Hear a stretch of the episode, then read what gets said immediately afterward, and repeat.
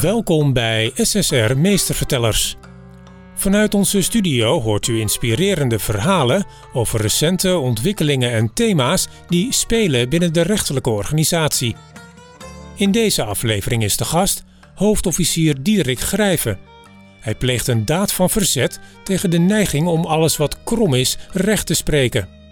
In deze podcast neemt hij u mee langs Plato en Nietzsche, juridische tangverlossingen morele intuïtie en de toeslagenaffaire.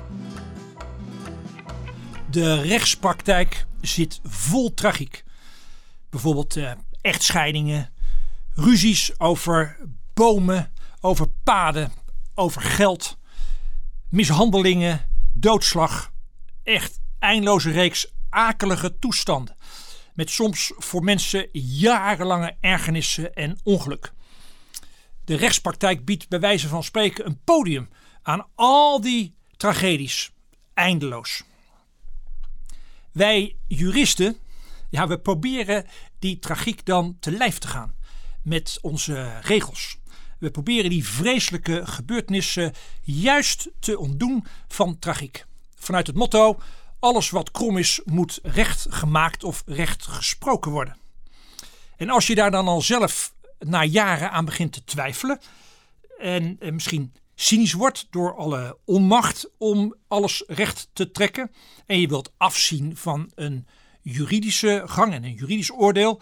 Dan kijken partijen smachtend naar je en die willen dan toch weer dat je alles voor ze goed maakt. En ja, dat doen we dan toch maar. Want in het recht hebben we vanuit ideeën en idealen over het goede en onze waarden prachtige normen vastgesteld en regels gemaakt om de harde werkelijkheid mee te lijf te gaan. En zo hopen we keer op keer de tragische angel uit de zaak te trekken. Voor mij is de vraag of dat middel, nou, soort van juridische tangverlossing, soms niet erger is dan de kwaal. Kou daar maar eens op. Wat zou er nou gebeuren wanneer we de tragiek in die zaak gewoon laten zoals die is. Als we de tragiek verduren en daar niet elke keer zoeken naar oplossingen. Deze podcast is een kleine daad van verzet tegen die neiging om alles recht te willen zetten wat krom is.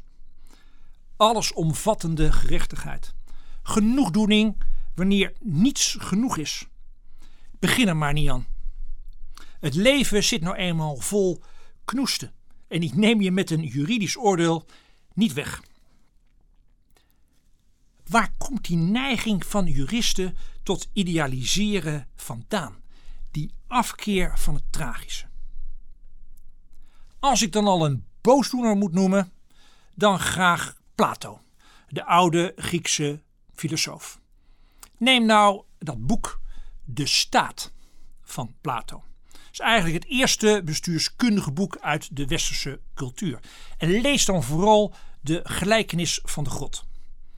Plato die schetst een werkelijkheid waarin het goede, het redelijke en billijke en rechtvaardigheid en gerechtigheid bestaan, reëel zijn.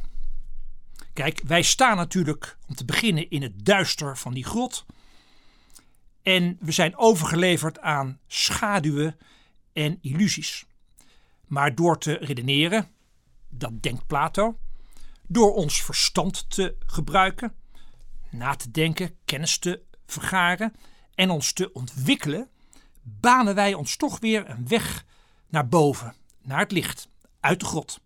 Een soort van hemel op aarde binnen ons bereik. In de rechtspraktijk beoordelen we tragische conflicten van mensen die zich nog steeds in dat duister van die grot bevinden. En nadat we als juristen onszelf uh, via wetten en regels in het licht gezet hebben en zelf hebben kunnen zien hoe het nou werkelijk zit, dan keren we met ons vonnis weer terug naar de grot. En dan gaan we het aan al die mensen die daar nog zitten, de rechtzoekende, uitleggen hoe een en ander in elkaar zit en hoe de partijen, wanneer ze ons oordeel accepteren, zichzelf weer kunnen verheffen uit hun ellende. En dat juridisch idealiseren en neutraliseren van het tragische gaat gepaard met rituelen, met juridisch taalgebruik, algemenisering en vooral ook het indelen in hokjes. En de mensen die dat overkomt, die rechtzoekenden, die denken dan, jongens, gaat dit nog steeds over mij? Gaat dit over ons? Mijn stelling is dat tragedies niet te vatten zijn in algemeenheden. Die tragedies die spelen zich af in een soort van harde werkelijkheid. Er is maar één werkelijkheid. Dat is de tragische werkelijkheid. En we moeten het met die schaduwen in de grot nou eenmaal doen. De filosoof Nietzsche die schrijft dat heel mooi. Het leven beoordeelt de waarheid. Niet andersom. Dus niet waarheid het leven.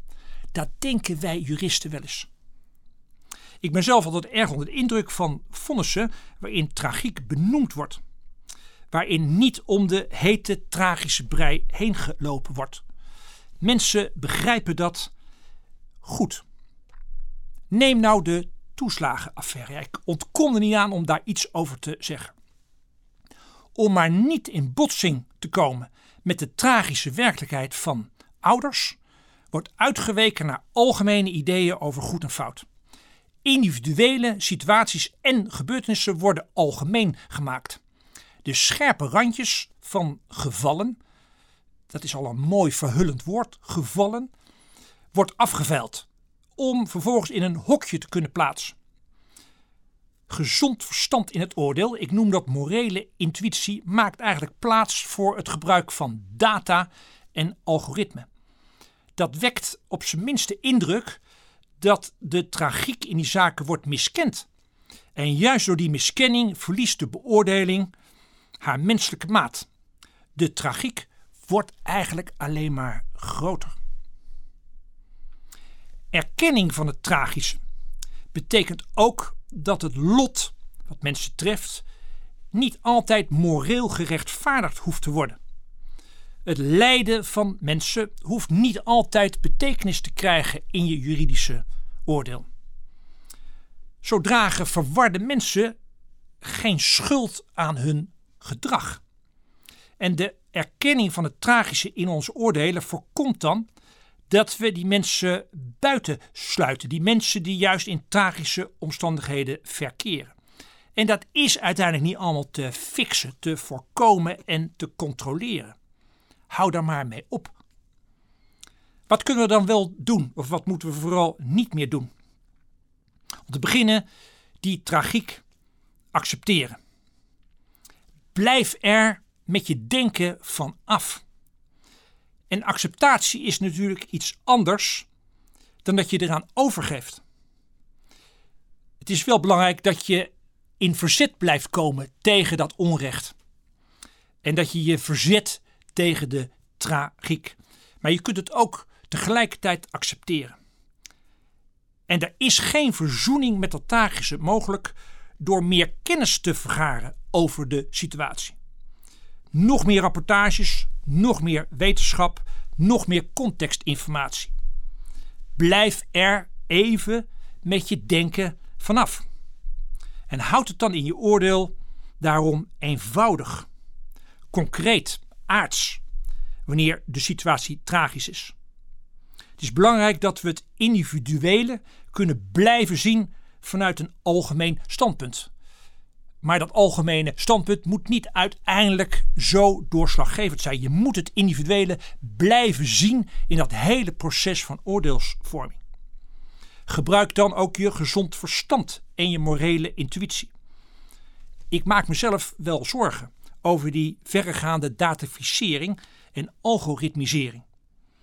Want als dat niet gepaard gaat met gezond verstand en morele intuïtie, dan raken we die menselijke maat echt kwijt.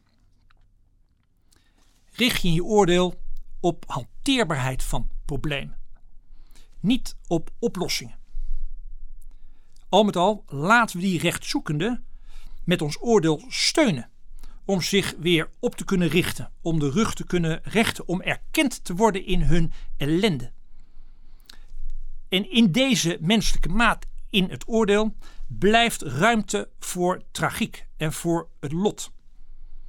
Amor fati, houd ook een beetje van het lot. Ook in je oordeel.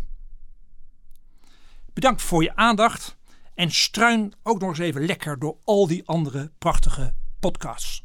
Bedankt. Dit was SSR Meestervertellers. Wilt u op de hoogte blijven? Abonneer u dan op onze podcast. Graag tot een volgende keer.